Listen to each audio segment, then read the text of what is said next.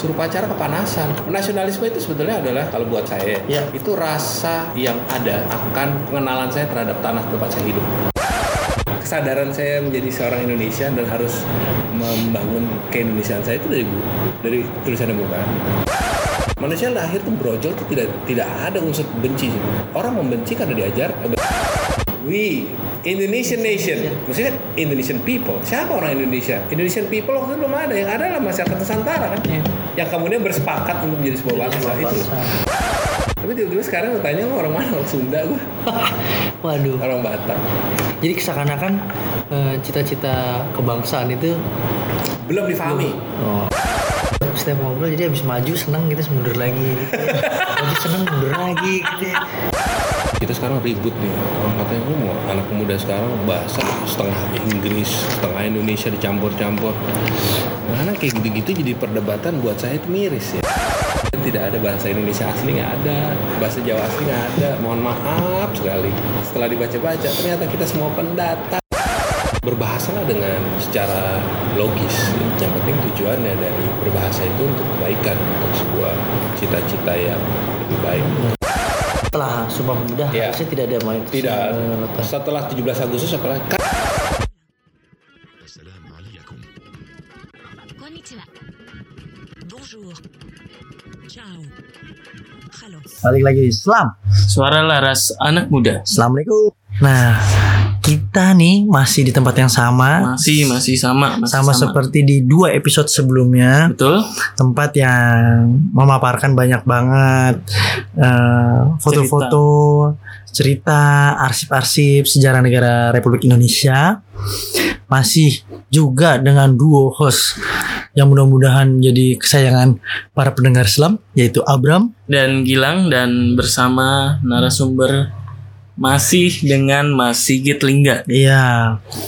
Mas Sigit, eh, ini kemarin kita sempat tahan nih di soal tentang karya seni dan film. Kemarin kan sempat bilang eh, film sastra tuh film sastra Indonesia sebenarnya tuh punya peluang besar karena kayak kalau misalnya karyanya film sastra itu banyak diproduksi terus pakai eh, kosakata kosakata yang kuat banget tuh sebenarnya kayak berperang di ranah film yang apa ya lawannya dikit Lawannya gitu kalau Hollywood kan tembak-tembakan Tembak-tembakan. Eh, kalau Bollywood nari-narian Betul betul. flash mob asli dari situ kali janjangan gitu ya Iya, iya.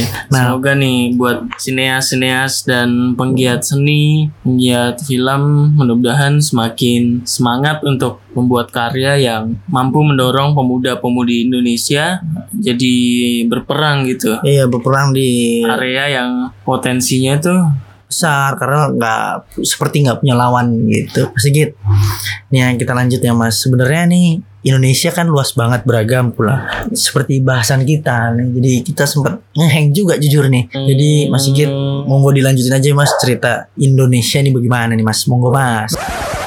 Jadi ngomong-ngomong soal Indonesia yang tadi kita omongin itu, Iya. sebetulnya semua ini adalah imajinasi. Kita dipermainkan oleh imajinasinya. Orang-orang. orang-orang besar. Iya. Tapi Mereka kalau- berimajinasi. Kita ini laboratorium terbuka. Ada orang Barat bilang Indonesia itu utopis. utopis Tapi saya suka nggak suka, Indonesia masih bertahan loh sampai hari ini. Dengan segala macam kerancuan dan kehancuran dan apa? Kesim- kesimpang siurannya. siur bentrokan-bentrokan yang Wih, nggak apa maksudnya orang mungkin di negara lain harus sistematis akhirnya dia baru baru bentrok. Kalau sekarang sih yang kayak dicolek-colek sebenarnya bisa bentrok gitu ya. Iya, tapi memang kita nggak bisa gimana ya? Ya itu kita punya apa namanya eh, unsur begitu banyak. Korea dari ujung ke ujung Korea, Cina dari ujung ke ujung Cina, Amerika dari ujung ke ujung orang putih gitu, Anglo-Saxon. Walaupun ada hitamnya atau apa, tapi mayoritas mereka. yes. Indonesia gila nggak usah ke ujung ya jadi mestinya berangkat 100 kilo udah beda lagi orangnya gitu ya. bahasanya beda lagi beda kampung. Batak tuh ada lima puak. Pak-pak dairi toba. uh, Mandailing. Lima puak utama. Lima puak ini punya sub lagi. Iya. Nias belum masuk nih. Hmm. Ini bahasanya beda, totally different. Pakaiannya beda, rumahnya beda. Padahal beda satu kampung ke perbatasan Toba itu mungkin nggak ada 100 km karena masyarakatnya tertutup ratusan tahun oleh Belanda Hmm, kayak dibikin untuk masing-masing aja, jangan sampai mereka connected gitu. Ih. Sehingga komunikasi di antara mereka juga ter- terbatas Mungkin itu terlalu diresapi dengan terlalu baik. Jadi sekarang walaupun sudah ada Facebook, sudah ada sekarang itu revolusi industri yang terbaru ini memang bikin Indonesia makin cepat menjadi Indonesia sih atau makin hancur nah dua pisau bermata dua tuh sebenarnya kan melepaskan benteng itu kan yang Iya, sebetulnya. atas kesukuannya. tapi saya masih percaya yang pertama sih mas gimana mas Faisal Makin bagus. kan bagus walaupun dalam proses itu kita hancur-hancuran Ya, ya. saya nggak yakin akan gerakan-gerakan yang uh, melawan kemanusiaan itu bisa menjadi sebuah apa ini besar Jadi nyatu gitu karena melawan kemanusiaan gitu. Uh-huh. Lebih baik, eh, bukan lebih baik, karena kayak lebih bukan sifat dasar manusia manusia dilahirkan tidak untuk membenci kan? Hmm. ya nggak sih ada yang nulis itu siapa manusia lahir tuh brojol tuh tidak tidak ada unsur benci orang membenci karena diajarkan kebencian tuh merely karena lebih banyak karena ketidaktahuan ketidakmengertian kan tidak ada komunikasi gitu sih saya Setuju. jadi yang namanya gerakan-gerakan A, B, C yang mengatakan bahwa mutlak harus ini, mutlak atau bahkan juga kaum yang menamakan dirinya Indonesia Pancasilais yang mutlak harus Iya. salah mereka mengartikan itu. Nasionalisme itu sarana menuju ideologi ya, harus ya. apa gimana bahasanya? Nasionalisme itu rasa sih. Nasionalisme itu rasa, rasa yang harusnya ada di setiap kita. Dia bukan ideologi, Pancasila ideologi Pancasila ideologi. nilainya ya dicantumkan gitu. Tapi rasa itu ada nggak? Jadi ketika anak-anak sekarang ngafalin Pancasila, mereka nggak ngerti kan. Tiba-tiba di luar, lu orang Batak ya? Karena referensi dia baik, ada juga yang buruk tentang orang Batak. Kan ada begitu kan? Iya. Wah agama lu apa? Kristen. Wah lu masuk masuk neraka. Neraka kan. Karena referensi dia begitu. Iya, Coba iya. bayangin mana? Anak kecil udah mau udah bicara soal surga dan neraka. Dan itu dibiarkan juga. dibiarkan kita nggak paham keluarga-keluarga Indonesia nggak paham soal itu kita mengatakan sebagai kita bahkan di dalam orang-orang yang mengaku dirinya nasionalis sendiri masih terkotak-kotak Jadi sebenarnya titiknya agak susah juga ya. Maksudnya kita Titiknya disuruh adalah- mundur ke belakang, akan ke daerahan, tapi kita juga harus maju juga sih Iya. sebenarnya yang ke titik Kompleks. satu Indonesia. Betul. Padahal itu juga ada di pikiran saya mundur lagi gitu. kerjanya dua kali tapi nggak nggak nggak susah karena kita tidak memaksakan kayak misalnya saya Iya. punya latar belakang itu ada Sumatera ada Jawa karena saya punya akar yang keluarga saya di situ jadi saya bisa menelaahnya lebih mudah kita kan tidak mempelajari sebuah suku yang tidak kita ketahui kan? Sih. akar kita kita punya DNA tapi kemudian maju ke depan gitu loh Oleh karena itu masih gitu sem- sempet singgung tadi budaya tuh hidup. Iya. Jadi jangan kita ngelihat dari titik Parsial. sampai titik itu aja itu aja. Jadi ada geraknya Iya. dan untuk mempelajari geraknya sampai jadi Indonesia pun juga jadi tidak mengkhianati budaya tertentu Iya, gitu kali. betul, betul. Tidak mengkhianati, tidak menghancurkan, tidak menghilangkan, membangun ke arah yang kita sepakati bersama entitas yang namanya Indonesia. Gitu belah. Padahal kalau kita bayang-bayangin sih sama ya. Kayak maksudnya kayak masih ada rasa-rasa mengkhianati Hmm. asal sendiri. Tapi padahal apa yang mengkhianati orang Enggak. kita Indonesia gitu jadi sumpah bareng tahun Iya. 1928 gitu. Ya kan kita ini semuanya berproses dari nol lagi sekarang dengan Iya. presiden baru ini Iya, iya. mengakibatkan kita punya akses untuk itu kan. Benar-benar. Yang berat sebetulnya generasi saya, kayak generasi dia juga ya. Karena generasi kita itu generasi hilang benar-benar. Saya baru ketemu arsip ini setelah reformasi. Dulu mana pernah baca. Not long ago, baru 10 tahun yang lalu. Kalau bicara reformasi baru tahun 98. 20 tahun yang lalu. Tapi kan yang umum nggak bisa akses ini juga kan. Ya makanya saya mau cari cara gimana caranya supaya bisa akses dengan cara yang ekstrim. Tapi kalau misalnya jadi di Siapa? sebutlah Hmm. E-books. e-books gitu. Hmm. Di tahun yang sekarang jadi boleh kan? Boleh. jadi boleh kan. Iya, kan udah dicabut larangan. Nah, aku sih masih lebih apa ya kalau boleh pendapat kayaknya yang paling praktis tetap generasi muda sekarang harus Baca. ya untuk mancing baca itu harus idola. Soalnya ini baca. dapat kayak gini di mana? Buku-buku yang beredar di toko buku itu ini kan masalah kita nih mau cetak buku. Arsip banyak naskah banyak dari kumpulan. Semua arsip ini menjadi sebuah tulisan rangkuman. Cuma menerbitinnya kendala lagi. Percepatannya gimana cara elektronik book elektronik. Electronic books paling cocok. scan bikin PDF ya bikin judul ininya sebarin. Mau baca mau enggak terserah. Paling enggak tuh udah ada tuh. Tapi itu kan harus keluar dari yayasan sih. Iya, ya, kita sedang mencari volunteer-volunteer untuk yang bersedia untuk mendokumentasi arsip atas arsip-arsip yang Iya. Kadang tuh suka eh, aku yang masih nih sama Gilang tuh suka mikir-mikir gitu. Eh, Sebenarnya tuh kalau maksudnya nih kan ya ini kan sebuah bentuk imajinasinya Bung Karno Iya, dan para pendiri bangsa pendiri bangsa. Yang lulusan Belanda-Belanda itu. Stop ya. Iya. Terus habis itu kita mikir gitu. Ini mereka yang muda itu Iya, ngapain mereka- aja gitu, iya. ngapain aja gitu. Mereka larut dalam buku. Mereka larut dalam pemikiran-pemikiran orang besar. Makanya hidupnya seperti itu. Terus jadi mikir kayak, Membius. Blat kita emang apa harus ngekos di loteng? gitu? Kagak, nggak begitu. Gitu? Jadi mikirnya gitu gitu. Harus dicari cara yang lain. Entah gimana cara. nongkrong di coworking space gitu maksudnya ini kayak apakah kita eh, generasi kita yang bisa kontribusi. Atau kita benar-benar harus cari generasi. Maksudnya kita cuma bisa bantu legacy ke generasi yang berikut untuk ya untuk cuma bisa Jadi jembatanin jembatan. doang. Iya. Bisa. supaya ketemu manusia-manusia unggulnya gitu. Ya kita sih mikir.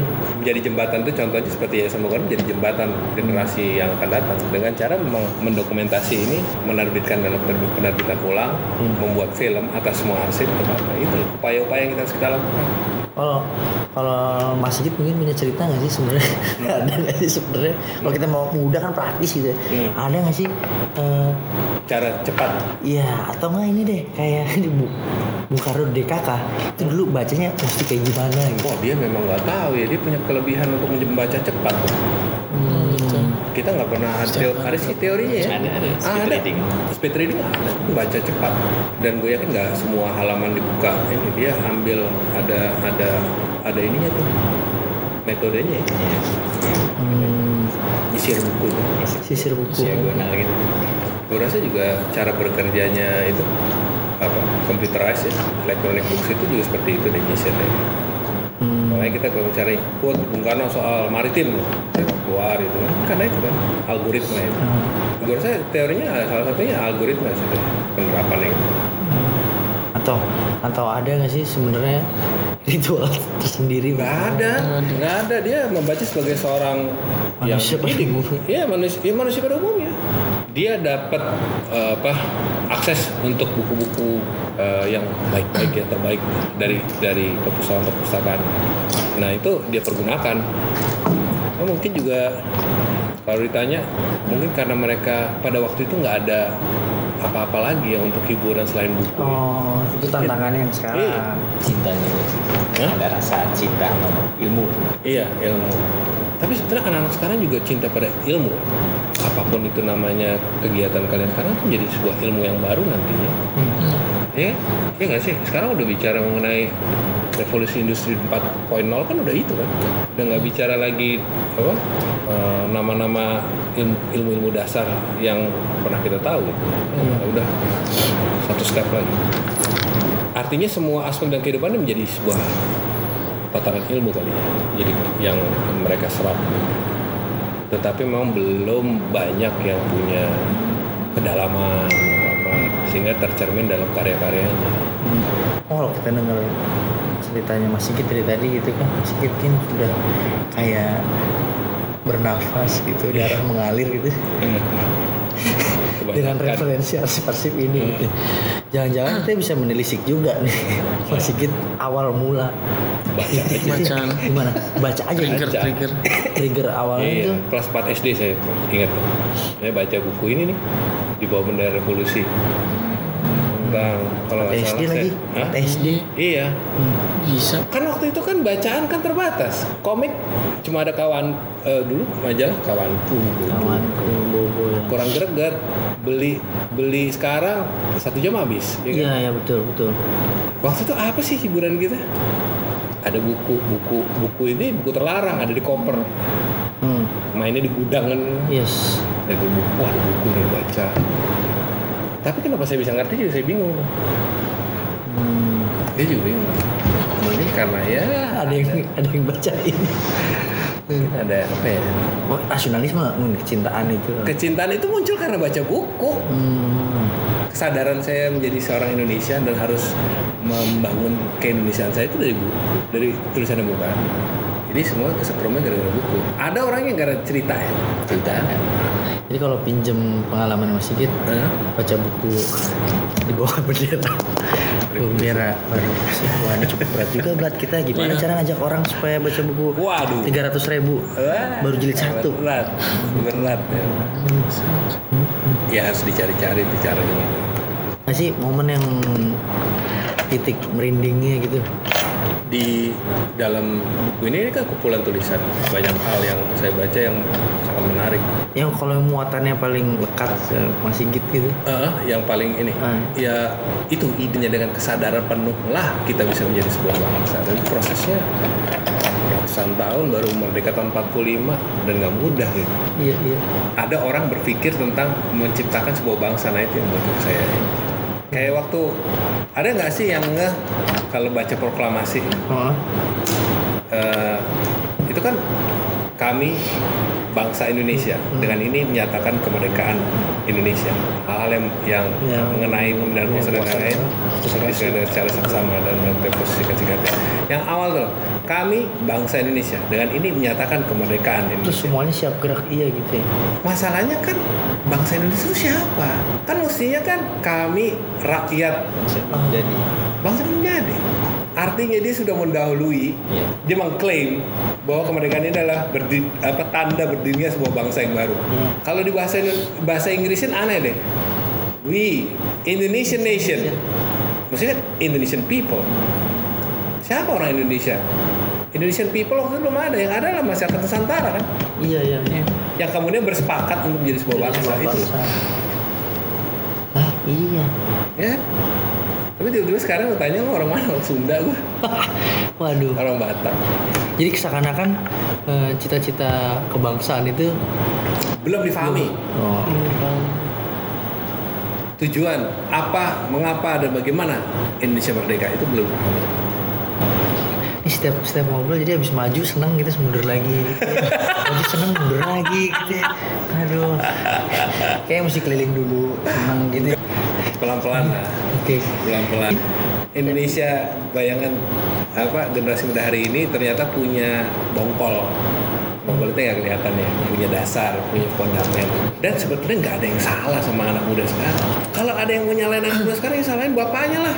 iya kenapa dia nggak ajak Iya untuk melek gitu ya Iya. Kenapa dia nggak menyediakan literatur, tulisan apa kek? Menyajikan film-film buat anak-anaknya supaya mengerti. Bapaknya juga kan ngerti. Berarti kita sebenarnya jembatan ini biar calon-calon bapak, biar lihat calon yang muda. Tuh. Paling nggak itu berat kita yang paling. Jembatan. Iya. heeh. Jadi kita jembatan ini jelas satu tuh. Nyiapin bapak-bapak sama ibu-ibu. Dan masalah bahasa juga ya. Tuh. Oh, kita sekarang ribut nih. Orang katanya oh, mau anak muda sekarang bahasa setengah Inggris, setengah Indonesia dicampur-campur. Karena kayak gitu-gitu jadi perdebatan buat saya itu miris ya. Karena buat saya itu gini loh. Kalau lihat tulisan Bung Karno, itu satu tulisan tuh ada bahasa Jerman, Inggris, Prancis, Jadi, iya. jadi satu. Jadi satu. Ternyata pikir punya pikir, telah punya telah.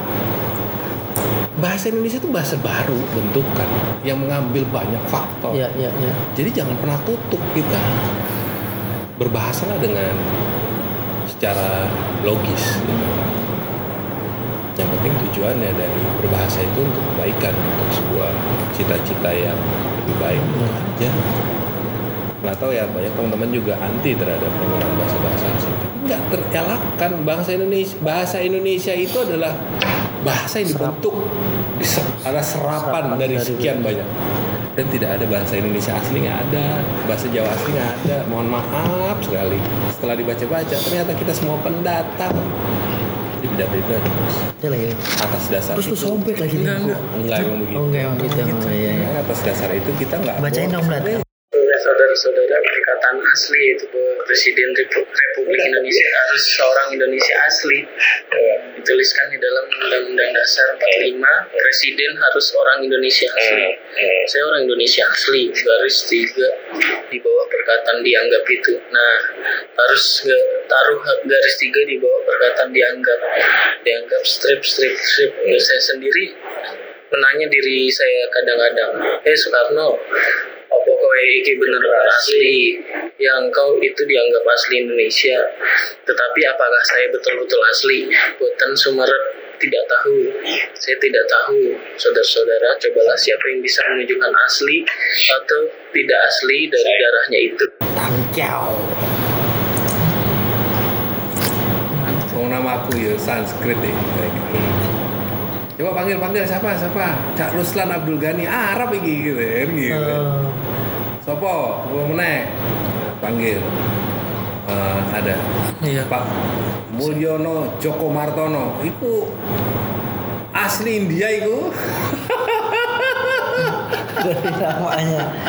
Iya. Itu kesadaran. Iya. Saya ngajak teman-teman untuk menjadi sadar. Di, di dalam sesi ini kita me- mendifrak Eh, anggapan kita orang Sunda, orang Jawa, orang Batak yang sudah tidak beralasan. Bahwasannya kita menjadi sebuah bangsa itu keputusan para pendahulu kita yang harusnya kita sekarang ini harus lebih mantapkan lagi. Atas dasar sebuah pemahaman sekali lagi bukan membabi buta ya Iya, kita sadar bahwa itu ditulis Bung Karno. Sehingga dengan demikian nggak ada lagi kebencian rasialisme di antara kita. Jadi atas dasar sumpah pemuda itu yang pasti kita bersepakat untuk berbahasa Islam. Tidak ada mayoritas dan minoritas. Itu udah pasti setelah Sumpah Pemuda Iya. harusnya tidak ada mayoritas. tidak setelah 17 Agustus apalagi karena tidak semua orang yang mayoritas itu pada saat, setiap saat dia mayoritas Kalau misalnya dia berangkat naik kereta gitu, udah nggak jadi mayoritas Hmm. lagi gitu ya. orang Aceh yang Islam Hmm. Islamnya mayoritas Acehnya minoritas kan so what? orang Jawa yang Kristen dia bilang minoritas. Jawanya mayoritas. Berkelindan nih. jadi nggak ada tidak, tidak ada yang paling benar tidak ada yang paling suci tidak ada yang paling apa asli. Dan itu harus disadari dengan penuh. Eh, Iyalah karena kan founding father kita iya dia udah gitu tapi kan ini kan nggak pernah dibaca sama orang. Iya, iya. orang selalu bilang Soekarno Jawa. Gimana mau Jawa? Orang ibunya Bali Iya, iya. bapaknya ada Cinanya? Ya Tionghoa di sini. Bung Hatta? Mau dibilang orang Minang? Bung Hatta itu ayahnya keturunan dari Sentot Ali Basyah Oh, pasukan Sentot Ali Basyah itu dibuang ke Padang. Padang. Oh gitu. turun menurun. Kemudian Di kawin Padang, mawin iya jadi- itu jadi jadilah Muhammad Muhammad Attar itu. Jadi mereka bicara tentang keindonesiaan lengkap karena mereka orang Indonesia. Nah jadi proklamator kan Maksudnya sekarang sebenarnya banyak kan ah gue bingung nih wah bokap gue nih Eh. bokap gue eh nyokap gue Eh, orangnya beda suku juga gitu. Aku udah Indonesia aja lah gitu. Paling itu sebenarnya udah bener sih udah bener. Terus ketemu teman-temannya dia bilang ah lu masa nggak tahu lu lu harus pilih lu. Nah, gitu apa iya itu terjadi sama anak saya. Tank naik Uber eh naik ya naik Grab. Iya iya iya. Naik mobil. Anak saya itu di bawah belakangnya ada nang marga. Karena turunan dari orang tua kan patriarkat kita nih. Iya. sisi orang tua laki-laki kan. Iya. turun lah tuh sebagai nama. Hmm. eh dijudge sama si supir. Si supir. kamu orang apa deh orang Batak ya? Enggak saya orang Indonesia. Karena saya selalu ngajarin anak saya kalau ditanya orang "Lah, orang Indonesia? Ah apa rupanya Indonesia Indonesia? Kau orang Batak itu kau tahu gitu ya. Jadi kau harus bangga jadi orang Batak. Anak saya datang saya ah, aku tadi ditegur sama tukang eh, apa supir grab gini gini gimana ya ya memang begitu dia nggak ngerti kalian jadi tahu bahwa saudara eh, sesama anak bangsa ini banyak terpecah-pecah karena seperti itu mereka nggak paham kamu gimana mau bilang orang Karo, orang Batak? Orang kamu sendiri ada darah Chinese-nya, ada darah Indianya, ada Dan- darah Jawanya. Lu campur, kamu ngaku orang Batak kan nggak mungkin bilang. Secara logis kan nggak bisa. Ya, dia nggak jawab apa-apa sih. Itu buat dia masih bingung. Iya iya iya benar benar Di sekolah yang SD, Aneta Patma, ceritakan tentang dirimu. Saya Aneta, ayah saya nama ini, ibu ini, saya orang Indonesia. Gitu. Gurunya negor juga. Aneta harus ngomong, kamu orang suku apa? Orang Indonesia sih, kita semua orang Indonesia, tapi harus bilang suku suku apa. Padahal itu sebuah jadi kebingungan juga kalau orang tuanya beda suku gitu kan ya. Dia harus milih kan Iya. jadinya. Yang sebetulnya harus kita tiru tuh seperti penjabaran orang Barat. I'm American, but half Spanish, half Italian.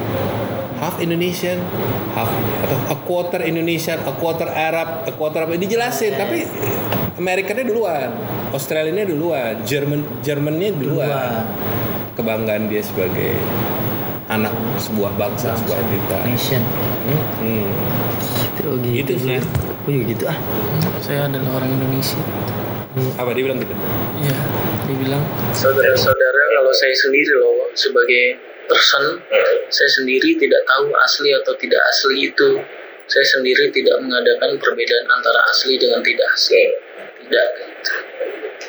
Tapi jawab saudara-saudara saudara-saudara sekalian, kita berpegang teguh kepada Pancasila. Kita oleh karenanya cinta kepada tanah air bangsa Indonesia. Kesadaran pada itu. Sadar. Ini, ini orang yang berimajinasi Iya. dengan penuh kesadaran. Iya. Kadang soal sekarang kalau mau imajinasi harus nggak sadar dulu sih. Kesel jadi nggak nyampe jadinya nih anak-anak nih. Berimajinasi dengan penuh kesadaran. Untungnya lagi ngobrol ketemu ya. Iya, diarahin sama gitu ya. Ngomong apa lu? diarahin sama Pak Karno dari gue. Eh banyak sini. Jadi udah kayak Google. Lagi ngomong keywordnya apa, langsung ketemu. Itu ng- nggak sengaja itu. saya juga pernah jadi orang yang anti Cina. Saya pernah jadi orang yang sangat feodal. Pernah merasakan itu. Tapi setelah saya baca, saya memahami hilang tuh semua itu hilang. Perdebatan-perdebatan yang saya bilang, kok bisa ya orang terkotak-kotak seperti itu? Ternyata itu tadi tipis nih di sini nih, ini tipis nih kayak celana dalam. Wah itu sangat strong sekali. Iya. Terus sekarang gimana orang bisa mempersoalkan dia pribumi atau tidak pribumi? Atas dasar apa? Emang dia tahu dia pribumi? Ya. Gitu loh. Dia ngerasa-ngerasa sendiri kali dia pribumi. Iya ngerasa ngerasa sendiri. Ya kan? Kayak misalnya contoh salah seorang pimpinan kita nih, kota tercinta Iya iya. luar biasa ini yang Ya, dia dia bilang, bilang pribumi. sekarang saatnya pribumi. Iya. Emang dia siapa? Gitu loh. Padahal kalau tarik namanya pun dia juga dari Iya. bukan pribumi gitu Mas. Bukan, dia kan baru masuk tahun 30-an. iya. Antara ke Iya, ke su- sukunya dia masuk Indonesia dari Una-Una. Dari Pulau Una-Una. Itu sejarahnya mereka dari situ, mereka pendatang. Ya contoh. contohnya. Cerita tentang Indonesia nggak akan habis-habisnya dan nggak akan pernah bosan selama kita men- men- menyenanginya. Bahasa kita dibentuk oleh bahasa daerah dan bahasa asing. Asing serapan itu. Contoh seperti eh, bahasa apa namanya? Eh, eh, apa bahasa daerah tuh, aduh, yang di Padang tuh apa namanya itu? Bahasa Padang yang kemudian jadi bahasa Indonesia banyak. Bahasa Melayu yang kemudian jadi bahasa Indonesia banyak. Lebih banyak. Banyak. Jadi bahasa asing menjadi Indonesia. Vernakular itu vernacular. Bahasa Inggris jadi bahasa Indonesia. Serapan-serapan begitu nggak nggak nggak ini. Enggak asing sebenarnya. Tapi itu jadi persoalan sendiri. sendiri. Ngapain diperdebatkan kayak begitu? Karena mereka tidak membaca. Baca sih, cuma kurang dalam, kurang banyak. Pasti deh. Pasti. Iya, iya. Biarpun udah dokter atau profesor mungkin ada yang belum dia baca. Atau bacanya punya Tendensi tendensi tertentu. mungkin juga. Bahasa daerah dianggap menjadi ancaman atau bahasa Indonesia merupakan ancaman bagi bahasa daerah, eh, daerah menjadi punah. Enggak begitu cara berpikirnya gitu. Itu rendah banget sih mikir kayak begitu. Bahasa itu adalah se- sesuatu yang hidup. Jangan pernah takut. Kayak Tuhan gitu dibela. Ngapain Tuhan dibela? Tuhan tuh udah maha kuasa. Nggak perlu di ngerti gak sih? Iya? Iya, iya, iya. ya masuk gak sih bahasa gue nih? Masuk, masuk, masuk banget, Mas. gue tuh kadang-kadang tuh orang tuh aduh gimana? Tuh ada bahasa itu Pak dosen saya mengatakan tuh kecenderungan orang seperti itu Indonesia banget loh. Eh, ini apa sih? Apa ya? Kayak Tuhan dibela Hmm. bahasa daerah dibela Betul. yang ini disalahkan bahasa Indonesia dibela bahasa daerah disalahkan gimana ya tapi kita hidup di bangsa ini mau nggak mau tuh air yang keruh atau yang bulat kita harus satu-satu Iya. kalau berkenan terimalah tawaran dan tantangan ini dengan lapang dada lakukan apa yang bisa lo lakuin Let's go, let's Karya go. musik kan Iya. karya film kan ini kita nggak ngomong soal jadul ya Iya, iya. kita ngomong sebuah apa eh, Eh, gaya perubahan perubahan nilai iya. dari sejarah. Gue tuh Bung Karno, Bung Karno kalau misalnya hidup dia paling nggak suka deh yang jadul-jadul. Mundur-mundur. Baca di situ. ya. Jadi kalau nggak salah saya ikutin gitu. Ya kita benar punya Borobudur. Ya benar kita punya uh, karya-karya Adiluhung. Tapi jangan kau larut. Karena kalau kau larut, bagaikan kau meniduri mayat putri yang cantik banget, termati. Oh. Jangan kau tiduri wanita yang cantik mati tapi mati itu. Kau harus berjalan lagi mencari yang baru. Ya benar kita punya Borobudur. Kita punya semua, tapi jangan lu berhenti di situ. Wah ini nyer nyernaknya ini juga nih. Dua minggu kali.